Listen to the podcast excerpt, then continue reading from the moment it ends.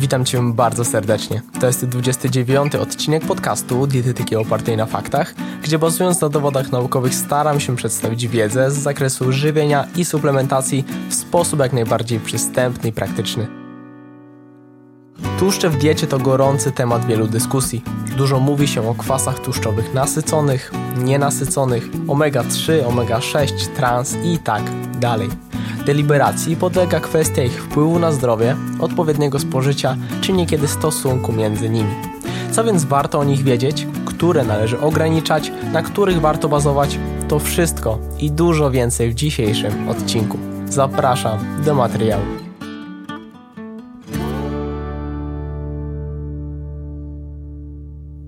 Na wstępie parę podstawowych informacji, bo choć wiem, że to o czym powiem to dla niektórych trudne i dość niezrozumiałe, to chcę tę wiedzę na początku usystematyzować, by później było po prostu wiadomo o czym mowa. Postaram się przystępnie i mam nadzieję, że nawet osoby nie siedzące w temacie wyciągną wiele wartościowych informacji z tego podcastu. Na koniec podsumuję też to wszystko w takiej pigułce. No to lecimy.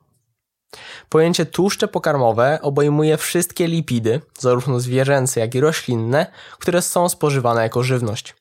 Tłuszcze zawarte w pokarmie mają najczęściej postać triacylogliceroli lub inaczej tryglicerydów, które składają się z glicerolu i trzech reszt kwasów tłuszczowych. Ładnie o tym sama nazwa informuje. Te kwasy tłuszczowe mogą być bardzo różne i to one decydują o właściwościach tłuszczu, zarówno takich fizykochemicznych, jak i fizjologicznych. Nazewnictwo kwasów tłuszczowych oparte jest na liczbie atomów węgla w łańcuchu, liczbie wiązań podwójnych, pozycji pierwszego wiązania podwójnego licząc od końca metylowego łańcucha oraz zależnie od konfiguracji przestrzennej. Wiem, że już brzmi skomplikowanie, ale wcale takie nie jest. Jest tego po prostu sporo. Według najczęstszego podziału, a więc liczbie wiązań podwójnych, wyróżniamy kwasy nasycone, jednonienasycone i wielonienasycone. Zależnie od długości łańcucha węglowego, można je podzielić też na krótko, średnio i długołańcuchowe.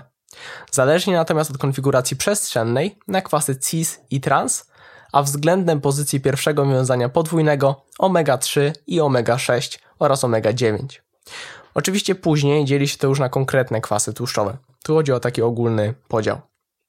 Do tego jeszcze wrócimy, bo będę się odnosił do poszczególnego podziału jeszcze nie raz, natomiast z fizjologicznego punktu widzenia tłuszcz pokarmowy jest przede wszystkim źródłem energii. 1 gram tłuszczu dostarcza około 9 kilokalorii, a więc ponad dwa razy więcej niż taka sama ilość białka lub węglowodanów. Stanowi więc on świetny materiał zapasowy i tak też jest zresztą wykorzystywany. U człowieka o prawidłowej masie ciała Mm, niemal 150 razy więcej energii zmagazynowanej jest pod postacią tkanki tłuszczowej niż pod postacią glikogenu, węglowodanów. Mm, ważną funkcją tkanki tłuszczowej jest również wytwarzanie cząstek biologicznie czynnych, tzw. Tak adipokin, m.in. leptyny. Mm, warto o tym wiedzieć, bo Tkanka tłuszczowa nie stanowi tylko i wyłącznie samego rezerwuaru energii, ale właśnie pełni pewne mm, istotne funkcje endokrynne. Mm, tłuszcz pełni też ważną rolę jako składnik układu nerwowego, w tym mózgowia, a jego niedobór, szczególnie niezbędnych nienasyconych kwasów tłuszczowych, może prowadzić do zaburzeń w funkcjonowaniu mózgu. Tłuszcz ułatwia również wchłanianie witamin w nich rozpuszczalnych, a więc witaminy A, D, E i K. Ogólnie jego rola jest dość szeroka. No dobrze, tak jak wcześniej wspomniałem, mm, najczęstszym podziałem kwasów tłuszczowych jest klasyfikacja według liczby wiązań podwójnych. Także po pierwsze, istnieją kwasy tłuszczowe nasycone i jak sama nazwa wskazuje, są nasycone, a więc nie zawierają wiązań podwójnych.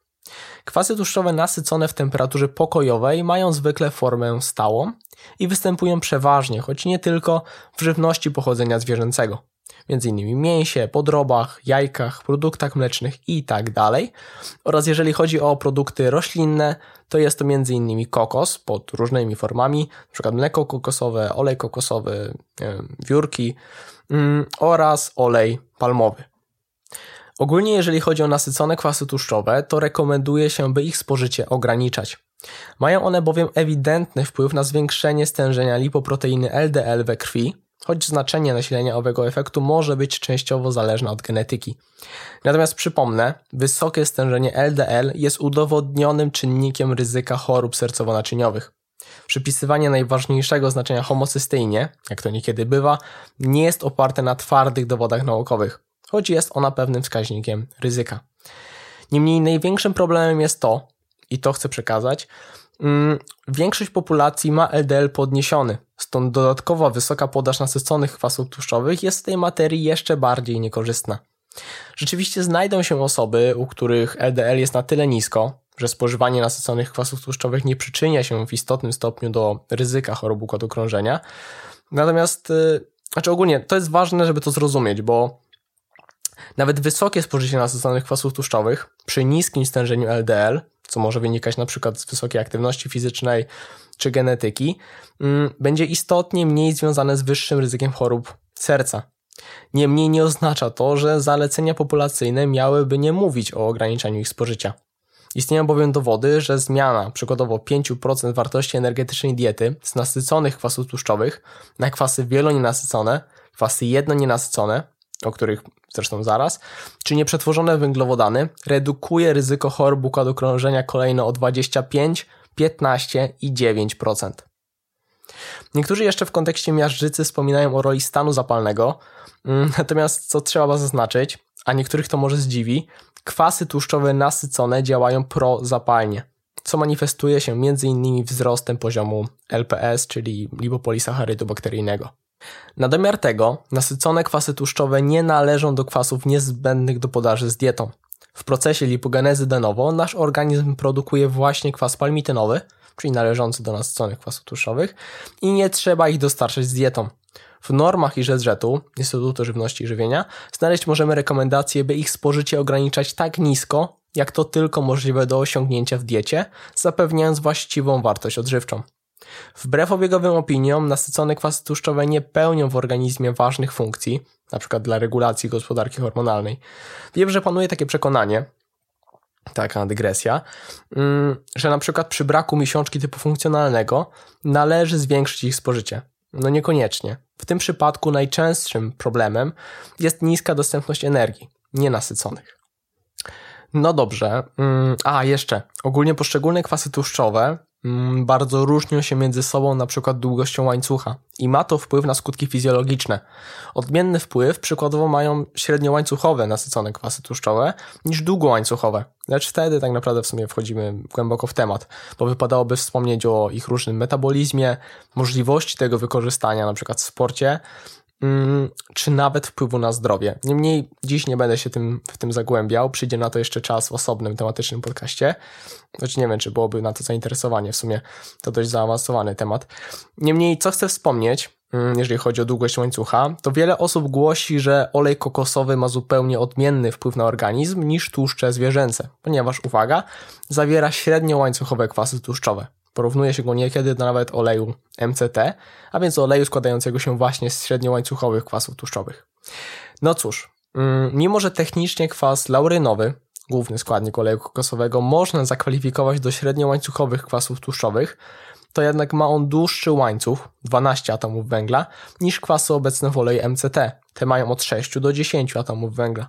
I jak się okazuje, ma on odmienne właściwości, odmienny sposób wchłaniania oraz odmienny metabolizm. Olej kokosowy to nie olej MCT i należy o tym pamiętać. Zresztą nawet American Heart Association określiło olej kokosowy równie szkodliwym jak inne źródła nasyconych kwasów tłuszczowych. Także przypomnę, olej kokosowy to nie olej MCT, bo różni się on od niego istotnie. No dobrze, także w skrócie, produkty takie jak olej kokosowy właśnie, olej palmowy, tłuste mięsa, ogólnie wysokotłuszczowe produkty odzwierzęce, a także słodycze, fast foody i temu podobne warto ograniczać. Idąc dalej, istnieją jedno nienasycone kwasy tłuszczowe, mające jedno wiązanie podwójne w łańcuchu, tak jak sama nazwa wskazuje. Mm, tak jak wcześniej wspomniałem, mogą one pełnić pewną ochronną rolę w prewencji miażdżycy i chorób serca, jako składnik zastępujący nasycone kwasy tłuszczowe. Przykładem kwasu jednonienasyconego jest kwas olejnowy, który występuje bardzo często w produktach zawierających tłuszcz.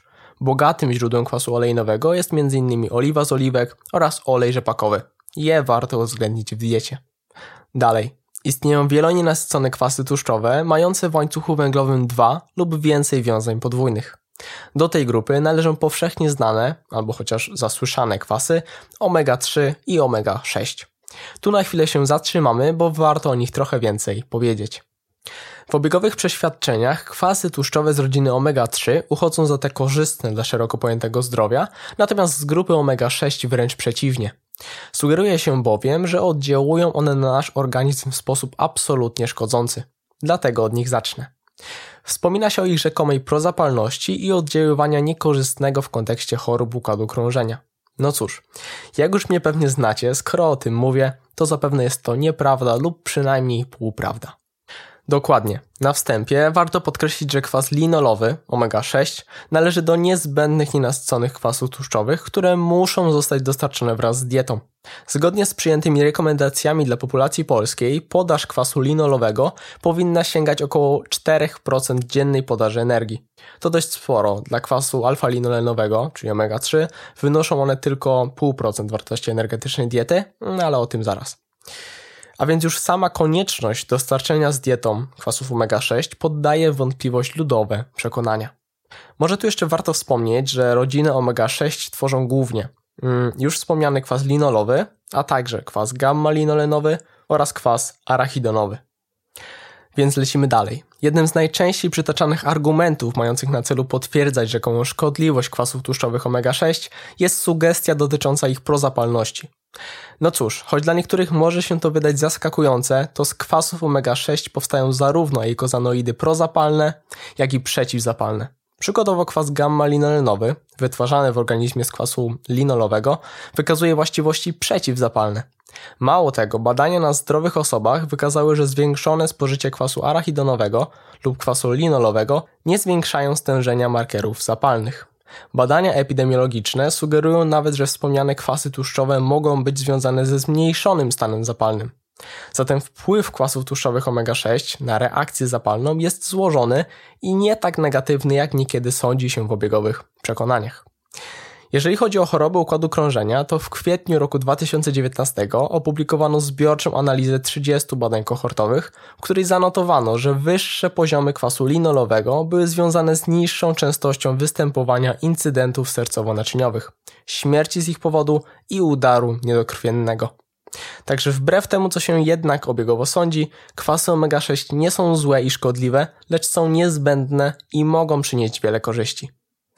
No dobrze, Mm, jeżeli chodzi o kwasy omega-3, to do grupy owych kwasów należą m.in. kwas alfa-linolenowy, ALA, już wspomniany przed chwilą, zaliczany również do niezbędnych nienasyconych kwasów tłuszczowych, razem z kwasem e, linolowym, czyli też właśnie omega-6, a także kwas e, eikozapentaenowy, czyli EPA i kwas dokozaheksaenowy, czyli DHA. Kwas alfa-linolenowy nie jest syntezowany przez ludzi, przez co jedynym jego źródłem jest dieta.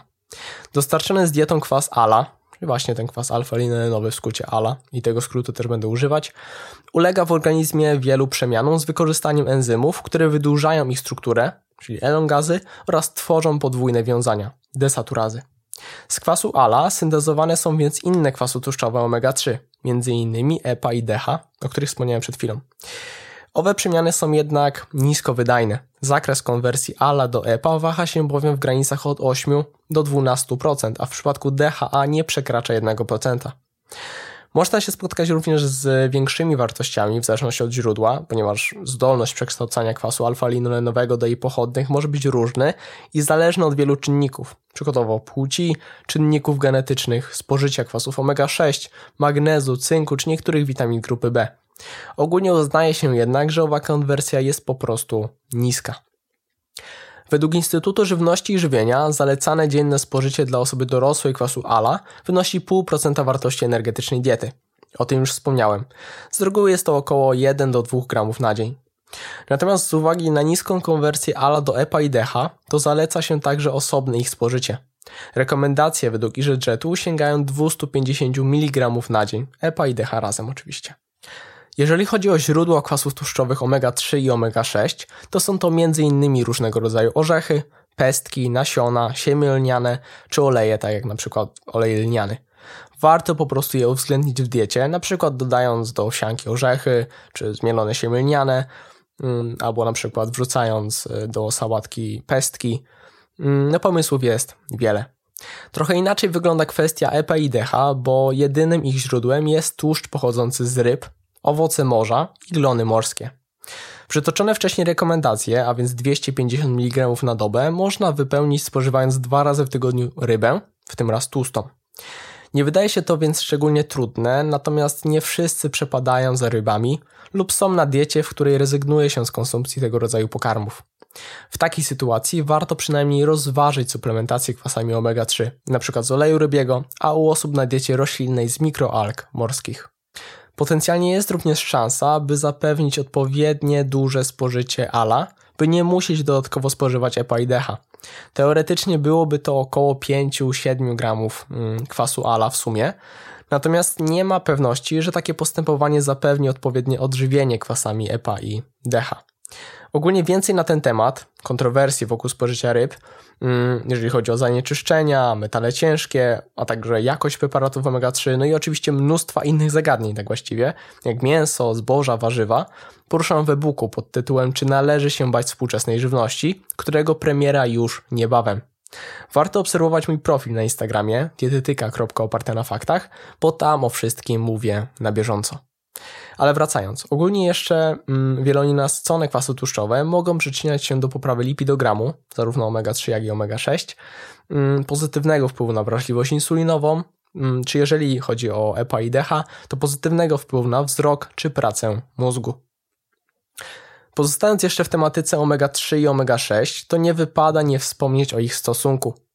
Jedna z hipotez głosi bowiem, iż dysproporcja w spożyciu wielonienasyconych kwasów tłuszczowych omega-3 i omega-6 może prowadzić do wielu negatywnych konsekwencji zdrowotnych o podłożu zapalnym. Ponadto wspomniane mm, rodziny kwasów tłuszczowych konkurują o dostęp do tych samych enzymów zajmujących się ich przemianami, jak wcześniej wspomniałem, elongazy i desaturazy, które w przypadku omega-3 mm, prowadzą do kwasu prowadzą do syntezy kwasu e, dokozaheksaenowego, a w omega-6 kwasu arachidonowego. Sugeruje się, że problemem XXI wieku jest zbyt wysoki stosunek owych kwasów, to znaczy za bardzo przeważają kwasy omega-6. Jak jednak omawiana kwestia prezentuje się w dowodach naukowych? Rzeczywiście istnieją dane obserwacyjne sugerujące, że w krajach z niższym wskaźnikiem występowania chorób układu krążenia, czy ogólnie cieszących się lepszym zdrowiem, proporcja pomiędzy spożyciem kwasów omega-3 a omega-6 jest, a przynajmniej była, bo dane są z różnych okresów, zrównoważona. Wynosi od 2 do maksymalnie 4 do 1. Na przykład w Japonii czy w krajach śródziemnomorskich. W sensie, nie wiem, czy to dobrze było zrozumiane, w sensie 2 do 1 lub 3 do 1, 4 do 1 w tym zakresie. Tymczasem w krajach o wysokim wskaźniku chorób układu krążenia, jak Stany Zjednoczone czy państwa Europy Zachodniej, proporcja pomiędzy wspomnianymi kwasami tłuszczowymi wynosi 15 i więcej do jednego. Czy więc to oznacza, że omawiany stosunek ma naprawdę duże znaczenie? Niekoniecznie. Przedstawione dane to korelacja, która nie musi oznaczać zależności przyczynowo-skutkowej. Więcej na jej temat, jeżeli ktoś jest zainteresowany tematyką zależności przyczynowo-skutkowej, mówię o tym materiale pod tytułem Skąd w dietetyce tyle sprzeczności i dlaczego bazowanie na dowodach naukowych to nie tylko teoria. Można go znaleźć na kanale na YouTubie Dietetyka oparta na faktach. Wracając. Mm, w krajach z wyższym wskaźnikiem chorób układu krążenia notuje się również więcej osób z nadmierną masą ciała, wyższe spożycie energii, tłuszczu, w tym nasyconych i mm, trans, o których dzisiaj też będzie, niższe spożycie błonnika, niezbędnych składników odżywczych i tak dalej. Co jest prawdziwą przyczyną? Jest to zagadnienie wielopłaszczyznowe, lecz sprowadzanie wszystkiego do stosunku omega-3 do omega-6 jest trochę nieporozumieniem, w szczególności, że względem jego nie ma twardych dowodów eksperymentalnych. Podkreślę jeszcze raz, eksperymentalnych, interwencyjnych na jego mm, znaczenie, w przeciwieństwie do np. spożycia nasyconych kwasów tłuszczowych. Ponadto, mówiąc o zagadnieniu stosunku omega-3 do omega-6, nie sposób nie wspomnieć o pewnej pani doktor. Otóż wiele prac traktujących o negatywnych konsekwencjach nieprawidłowego stosunku obu tłuszczów jest publikowanych przez jedną autorkę. Nie podważa to oczywiście wszystkiego, lecz budzi pewną wątpliwość. Co więcej, niestety raczej opierają się one o dane obserwacyjne lub badania prowadzone na modelu zwierzęcym co jest sporym ograniczeniem. Istnieją również publikacje podważające istotę proporcji owych kwasów, a sugerujące, iż większą rolę powinno się przykładać do odpowiedniego spożycia kwasów omega-3, w szczególności mowa o EPA i DHA, a nie ich stosunek do omega-6. Jeżeli mogę sobie tutaj pozwolić na taką prywatną dygresję, to uważam, że tego się warto trzymać. Odpowiedniego spożycia kwasów omega-3 i omega-6, a nie zamykać się na ich stosunek. No dobrze, trochę się na ten temat rozgadałem, lecz pragnę jeszcze dziś wspomnieć o kwasach tłuszczowych trans mm, i zaraz przechodzę do podsumowania w pigułce, czyli co warto zapamiętać. Izomery transkwasów tłuszczowych powstają przede wszystkim jako niekorzystny efekt uboczny procesów utwardzania olejów roślinnych i rybnych oraz w procesie ich dezodoryzacji. Zawartość izomerów trans pochodzenia przemysłowego w produktach spożywczych jest proporcjonalna do ilości tłuszczu częściowo utwardzonego użytego podczas procesu produkcyjnego. Ze względu na to, że waha się ona w szerokim zakresie, to zaleca się wybieranie produktów, które nie zawierają w swoim składzie tłuszczu częściowo utwardzonego. Informacja taka podawana jest na etykiecie produktu, także warto czytać etykiety i unikać po prostu pokarmów z napisem w składzie częściowo utwardzony tłuszcz lub olej roślinny. A dlaczego warto unikać? Mm, otóż kwasy tłuszczowe typu trans to właściwie, tak mówiąc kolokwialnie, najgroźniejsze dla zdrowia kwasy tłuszczowe, które są szczególnie niebezpieczne dla układu sercowo-naczyniowego. Spożywanie z żywnością izomerów trans kwasów tłuszczowych istotnie zwiększa ryzyko rozwoju miażdżycy i chorób sercowo-naczyniowych, prowadzi również do powstania wolnych rodników i może przyczyniać się do zwiększonego ryzyka oporności na insulinę. Jest więc też czynnikiem ryzyka cukrzycy typu drugiego. Sugeruje się, że ich spożycie należy jak najbardziej ograniczać, zdecydowanie poniżej 1% łącznej wartości energetycznej pożywienia. Ogólnie aktualnie transów w żywności jest coraz mniej, przykłada się do tego po prostu coraz większe znaczenie, by ograniczać ich udział.